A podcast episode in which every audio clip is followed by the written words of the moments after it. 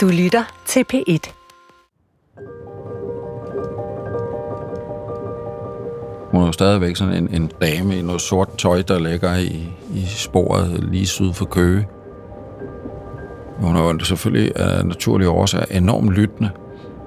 Det har jeg nok bedt hende om. Hvad for en stemme har hun? Meget forstående.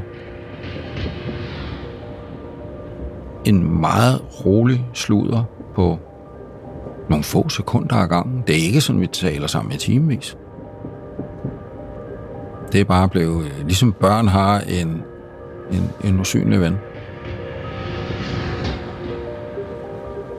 Du lytter til Det Ukendte.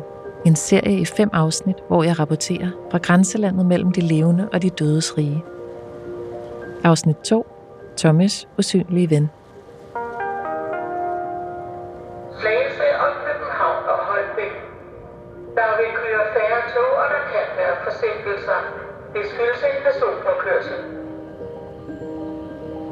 Det er tidlig forår 2021. Endnu en person er hoppet ud på skinnerne. To år tidligere, den 11. marts 2019, står der en mand i midten af 30'erne inde i den nyudsprungne stadig Golde Skov på Midtjylland ved Sorø station. Han står og afklæder sig sit tøj. Derefter går han hen til banelæmmet og lægger sig på skinnerne. Han bliver ramt af toget fra København og overlever ikke hændelsen. Mere ved man ikke om manden, og man fandt aldrig ud af, hvem han var. Men den ukendte mand vil nu lede os videre ind i den kollektive og spirituelle bevidsthed i Midtjyllands tusind år gamle klosterby, Sorø.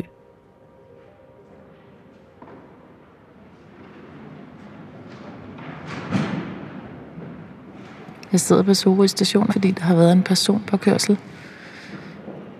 Og så sad jeg her i ventehallen, og så lå der et visitkort fra en, der hedder Jane Lee, og hun er, står der, specialist i mennesker. Jeg tænker, hun bor her i Sorø. Jeg tror lige, jeg prøver at ringe til hende. Altså, hvis man har mange spørgsmål angående et menneske, man aldrig har kunne finde ud af, hvem var. Hvem er så mere oplagt at spørge end et, en specialist i mennesker? Ringet til Indtal dit navn og telefonnummer, så ringer jeg tilbage til dig hurtigst muligt.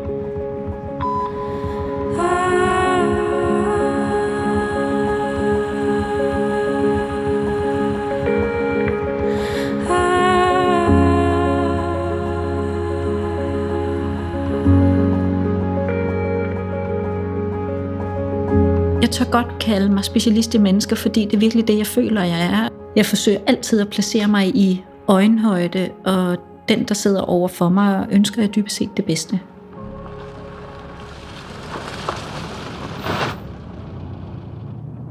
Efter lidt tid tager Jane lige telefonen, og jeg får en aftale i stand.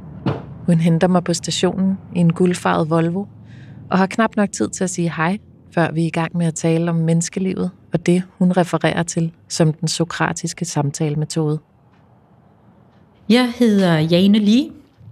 Jeg er psykoterapeut. Og så øh, har jeg gennem de sidste år øh, forvildet mig mere og mere ind i den filosofiske verden, og så uddannet mig derindenfor.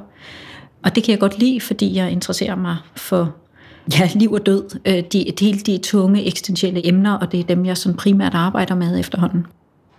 Noget af det, rigtig mange kommer med, det, det er jo, at de har svært ved at finde mening.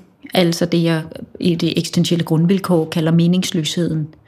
At vi føler, at vi farer vild, at hamsterhjulet, hvis det stopper, så, så, så bliver vi ramt af, hvor i alverden er jeg på vej hen. Og det er i den der faren vild, at, at, at vi tænker, at så er det hele jo lige meget.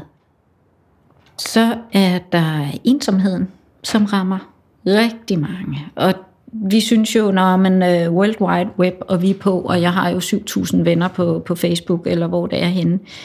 Men de der venner, der virkelig er der i kød og blod, det slår det sløjt til med. Hvor er vennerne? Der er ikke nogen, der ringer, der er ikke nogen, der skriver, der er ikke nogen, der kommer forbi. Altså, som en ven sagde for nylig, jeg besøgte ham, og så sagde han, helt ærligt, sagde han så, så havde jeg købt lidt ekstra ind af kaffe, fordi jeg vidste, jeg var sygemeldt nu. Der er ikke nogen, der er kommet til kaffe. Og det er noget, der rammer os alle sammen, og det er fatalt, fordi vi er flokdyr. Øh, det kan virkelig drive os ud, og bliver tit hæftet op øh, med en depression også. De folk, Jane lige taler med, er ikke helt som vores ukendte mand fra Sorø. Han havde måske hverken hjem eller kaffe, men ensomheden er nok et generelt alment menneskeligt vilkår. Solen er bleg udenfor, træerne er nøgne. Landskabet er vintertomt. Vi mennesker er bange for ensomhed, mangel på mening, og så er der jo også døden. Den sidste øh, af de eksistentielle grundtemaer, som faktisk er en af dem, jeg... Jeg tror, mine klienter engang imellem bliver sådan, de spærer øjnene op, men jeg bringer faktisk jævnligt døden ind. Fordi den, den er der hele tiden, og der er en kæmpe del af danskerne, som døjer med angst. Og angst er på en eller anden måde næsten altid linket ind i, i døden, som er jo virkelig et eksistentielt grundtema, men vi er virkelig dårlige til at snakke om det. Døden vil vi ikke tænke på. Det er som om, det er naturstridigt at forholde sig til døden, mens vi er levende. Måske er vi faktisk lidt bange for, at ved bare at tænke på døden, så dør vi en lille smule. Men hvad sker der, hvis vi giver døden en rolle her i det levendes verden? Hvad sker der, hvis vi ikke skældner så hårdt mellem, hvad der er levende og hvad der er dødt? Måske ville det kunne sætte os fri, eller gøre os mindre bange. Eller måske endda hidkalde de døde. Nogle gange så har vi vores eget lille akvarie. Altså øh, de der syv fisk, vi har, de er vant til at, at svømme i 20 liter vand. Men vi kunne også godt sætte dem ud på 50 liter. Og nogle gange så bliver vi inde i vores eget lille akvarie. Og hvad, hvad sker der, hvis vi, hvis vi gør det lidt større? Hvad hvis nu jeg tør tænke, åbne mere, tør smage på livet i nogle større mundfulde, så sker der noget. Vi sætter fiskene ud på de syv have og hidkalder de døde.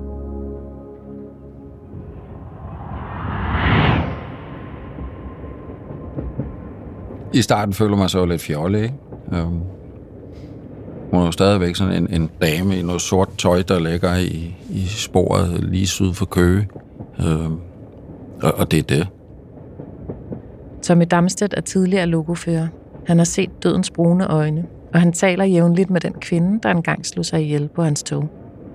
Jeg har engang været lokomotivfører, der startede ved DSB i sidste århundrede, 1986. Og det år så har jeg selv haft øh, fire personpåkørsler i min karriere. Øh, men faktisk kun én selvmorder. Og det var selvmorderen, der ramte mig hårdest. Det var tanken om, der var et menneske, der ikke ville leve længere. Det betød meget. Jeg kunne huske hendes øjne. Men bare husk, øh, at der var så meget sorg og så meget øh, angst øh, og en jeg skulle ked af at gøre det her ting. Øh, og det hele foregår på et halvt, øh, helt sekund, ikke? Men jeg blev fuldstændig fanget og fuldstændig frøs øh, i de øjne der, ikke? Det er jo det, vi plejer også at sige til vores nye folk. Øh, kig ned i gulvet eller op i loftet, eller hvad med for øjenkontakt, fordi det, det hænger fast. Øh, og så kan man jo så vælge at sige, at de øjne, de skal ride mig som en mare resten af livet, eller så må jeg prøve at få det positivt ud af dem, fordi så meget lærte jeg hende at kende, at jeg kunne se hendes brune øjne. Det er ikke noget, jeg nogensinde vil slippe. Det startede faktisk med, at jeg kunne ikke få det der billede væk øh, med den her kvinde, der ligger med helt klassisk, ligesom i en westernfilm, med hovedet på den ene skinstrang og fødderne på den anden. Og det første, jeg tænkte på, det er jo forfærdeligt, nu får hun også kørt fødderne. Altså, du når at tænke en milliard tanker på det der sekund. Og det billede, det blev ved med at være der, og, og jeg måtte have fat i psykologen igen, og han gav mig så nogle værktøjer, der virkelig, virkelig hjælp. Men der har hun ligesom bidt sig fast. Og så så småt, så der, hvor du ikke rigtig selv kan styre, når der er flow i, i, i tankevirksomheden, lige inden du falder i søvn, så var jeg begyndt at snakke med hende. Og det kunne jeg huske, når jeg vågnede. Og så kom det sådan langsomt. Så begyndte jeg sådan at kommentere lidt på nogle af tingene og stille nogle spørgsmål. Og, Og lige pludselig en dag, så du sidder og taler med en mand. Men, men det er da meget fedt, altså. Da Tommy opdager, at det hjælper ham at tale med kvinden, der gik ud foran hans tog, skriver han et brev til hende. Og det brev har jeg bedt ham finde frem. Jeg kan prøve at læse det her en gang. Det var sådan en helt almindelig dag, og dog var det faktisk en ualmindelig smuk dag. September er nemlig den måned, jeg holder allermest af. Lyset og himlen på den årstid, den var bare skøn. Øh, derfor var mit humør også højt, øh, hvilket det som regel er på persontyper som mig. Alt i alt var det jo en dejlig dag med tog, så hvad skulle dog kodelægge det? Jeg husker stadigvæk lyset og farverne mellem træerne, da jeg kørte ind i kuren med 120 km i timen. Og, og der lidt længere fremme, der lå du. Lige på tværs af sporet. Først forstod jeg ikke rigtigt, hvad der var, der skete. Og da, lige da det gik op for mig, der fik vi øjenkontakt. Jeg vidste jo ikke, hvem du var, og jeg heller, hvorfor du har truffet det valg. Og jeg får det jo nok heller aldrig at vide. Da vores øjne mødtes, og jeg nærmest ligesom faldt ned i dem. Det var blot nogle korte sekunder. Men de sekunder kom til at fylde mange timer og dage, ja uger i mit liv. For det jeg så, jeg så din smerte, og jeg så din angst, og- jeg så også din sorg.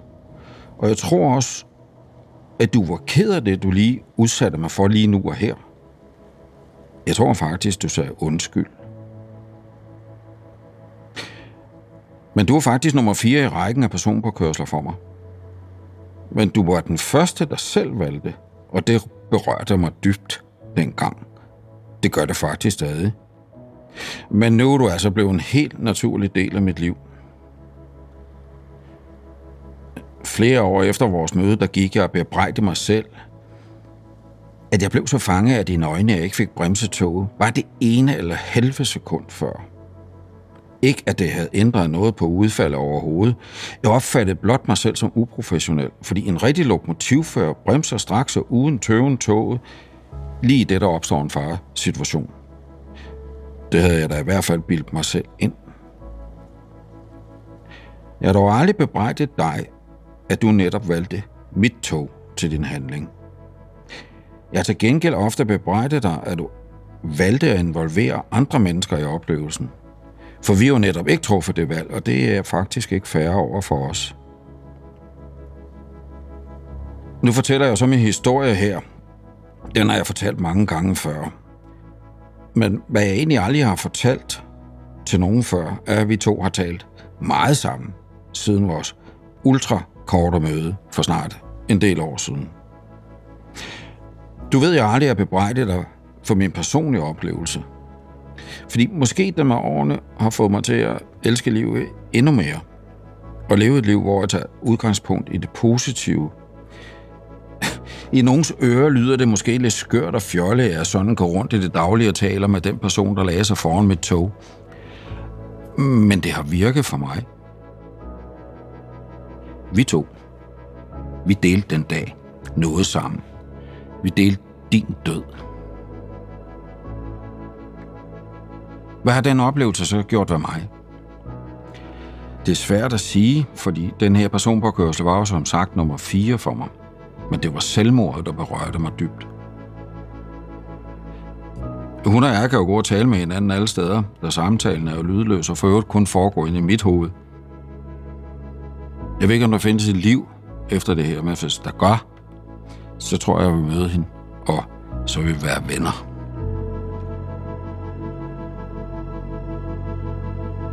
Det var meningen, jeg ville se, om jeg kunne komme nærmere, hvem manden var, som hoppede ud foran det tog i marts 2019. Politiet kunne ikke finde ham på hverken tandkort, DNA eller henvendelser. Journalister og borgere har ikke kunne finde frem til ham heller ved at lede. Jeg vælger derfor at benytte en teknik, der måske ikke er så gængs hos journalister. Og i stedet for at forfølge en historie, så vælger jeg at se, hvad der sker, hvis jeg lader historien forfølge mig. Jeg lader mine døre stå åbne for den historie, der vil fortælles. Jeg har arbejdet nogle år med misbrugere, Og der kan man sige, at det, der kendetegner dem langt de fleste, det er jo at være ramt af opgivelse. Altså at starte et misbrug, det handler jo næsten altid med, at der er nogle følelser, som er så tunge og så svære, så det gælder om at dulme os. Så der er jo et eller andet i, at man, man bare vil væk fra at mærke noget. Og, og man får jo fred, når man isolerer sig fra samfundet, hvis man stepper helt ud. Hvis man har en erfaring med, at samfundet, samfundet slash forældre slash søskende aldrig har bidraget med noget godt, så opgiver man til sidst at få noget. Vi sidder i et lille annex med store vinduer ud til Sorø skov. Menneskespecialisten Jane Lee har stillet gulerodskage frem. Guldvalvoen holder ude foran i kontrast til de store nøgne træer. Jeg taler med specialisten i mennesker om spøgelser og selvmord, om folk, der ikke vil give slip, og om folk, der kun vil én ting, som er at give slip. Det er ikke så enkelt at forstå livs- og dødsdriften, og vi kan ikke altid forstå den på andres vegne. Jeg kan jo se det på folk, at der er ikke noget liv i øjnene på dem. Jeg har det sådan, nogle gange, så kan vi godt komme til at føle os lidt overmenneskelige. Sådan, Jamen, det må vi også få snakket om. Det må vi jo få gjort noget ved. Men, men kompleksiteten, liv og død, den kan vi ikke bare lige fikse. Og det kan vi nogle gange komme til at tro. Jamen, så, så er det også, fordi han ikke har fået det rigtige medicin. Altså, nej, vi er dødelige. Og vi dør på alle mulige og umulige måder. Det glemmer vi bare nogle gange. Og det er det, som jo er det vanskelige med at forstå døden. Altså, det ligger os fjernt af det der med sådan, du har lige været her, og nu er du væk. Det vil altid være et mysterie for os.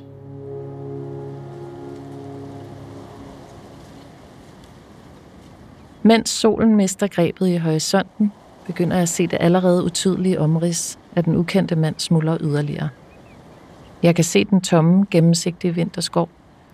Jeg kan se, at man kan gå derud og forsvinde, og jeg tænker på, hvem der går derud for at forsvinde.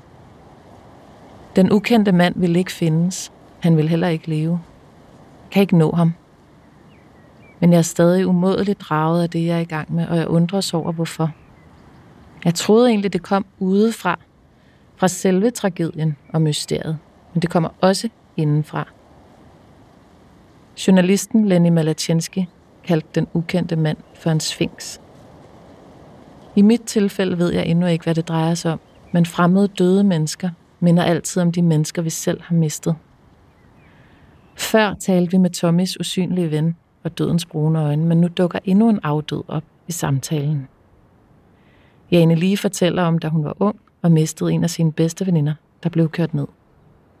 Fra dag så begyndte der at komme nogle, nogle fornemmelser, en følelse, nogle tanker, som simpelthen åbnede ind til det, en, en anden verden, og en fornemmelse af, at okay, der er simpelthen noget mere. Jeg snakkede simpelthen med hende, og sådan noget. Og det er ikke fordi, jeg har det sådan, så kom her, og så spreder jeg mine englekort ud, eller øh, jeg, jeg kan se i din aura, eller noget som helst. Men det gav mig en enorm ro.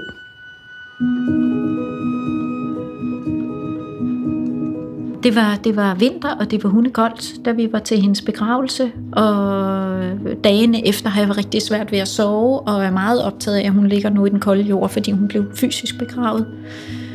Øhm, og så en eller anden nat, så vågner jeg, og jeg sover inde i stuen, fordi det er det hus, jeg boede i på det tidspunkt, der var, det, der var brændeovnen, så der var varmt. Og så vågner jeg ved, at der er sådan en varm, gylden stråle igennem rummet. Og så sidder hun på mit spisebord, men 10 cm over. Og, og griner ligesom hun plejer, og så siger hun så, jeg bliver, jeg bliver jo nødt til at sige, du skal, ikke, du skal ikke være ked af det. Så siger hun så, jeg har det godt. Jeg har det godt. Altså, jeg kan blive stadigvæk rørt af det.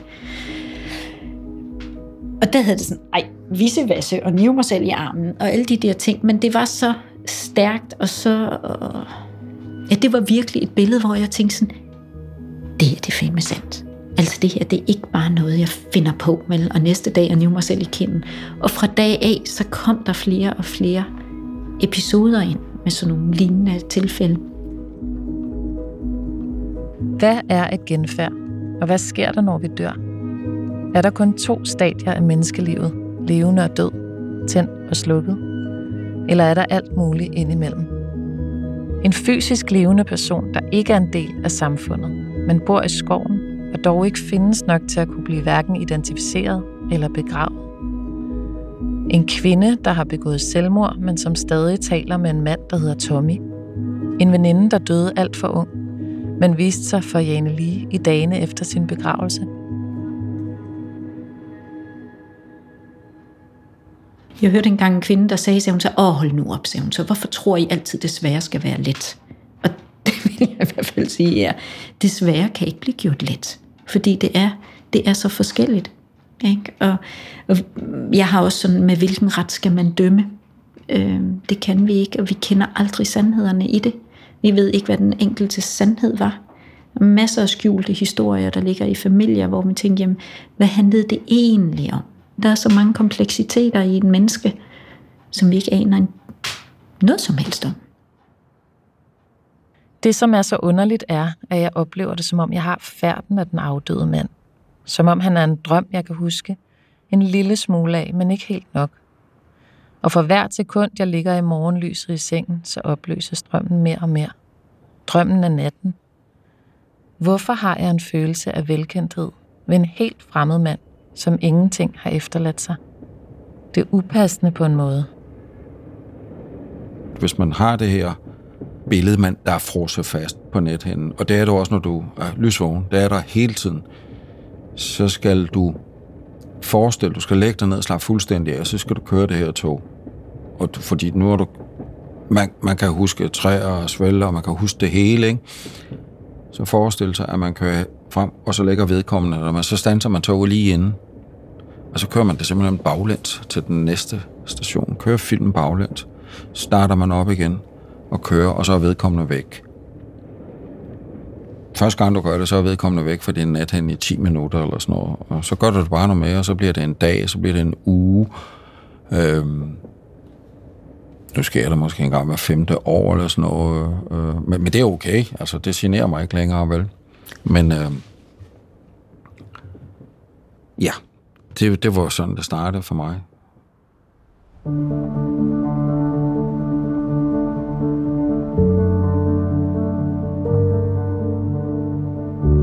Lenny har let, politiet og kommunen har let, jeg har let, og ingen af os er endnu kommet tættere på den ukendte mand. For han fandtes måske nærmest ikke, og nu har han oven købet død. Men han spørger, for i det her afsnit har vores ukendte mand sørget for, at jeg mødte, og du hørte, tidligere togfører Tommy Damstedt, og Jane Lee, som er ekspert i mennesker. Og så har du mødt mig, Iben Maria Søjden og min klipper og lyddesigner Jakob Helt.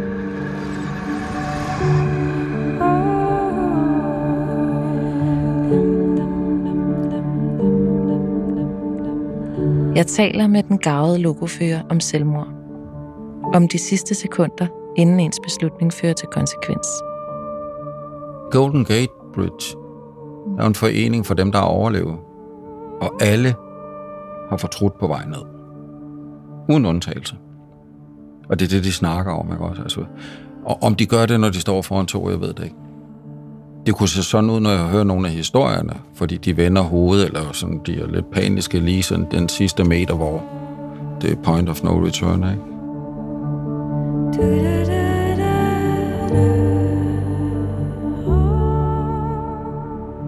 I næste afsnit opsøger jeg den bedemand, der kremerede den ukendte mand. Når man går med døden som en arbejdsplads, så er det noget, man ikke er bange for. Og det er jeg heller ikke. Men jeg vil så også sige på den anden måde, at hvis jeg skal herfra, og det skal jeg før eller siden, så skal vor herre bare gøre mig den tjeneste, at når han hiver stikket ud, så hiver han det rigtigt ud. Måske kan han hjælpe mig videre i min jagt på, hvem manden var, og hvorfor han ikke ville leve længere.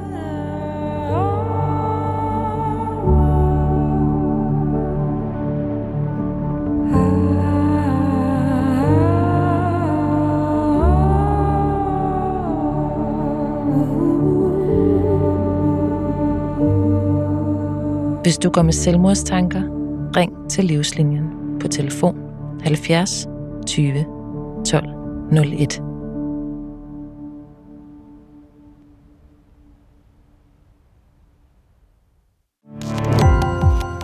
Gå på opdagelse i alle DR's podcast og radioprogrammer. I appen DR Lyd.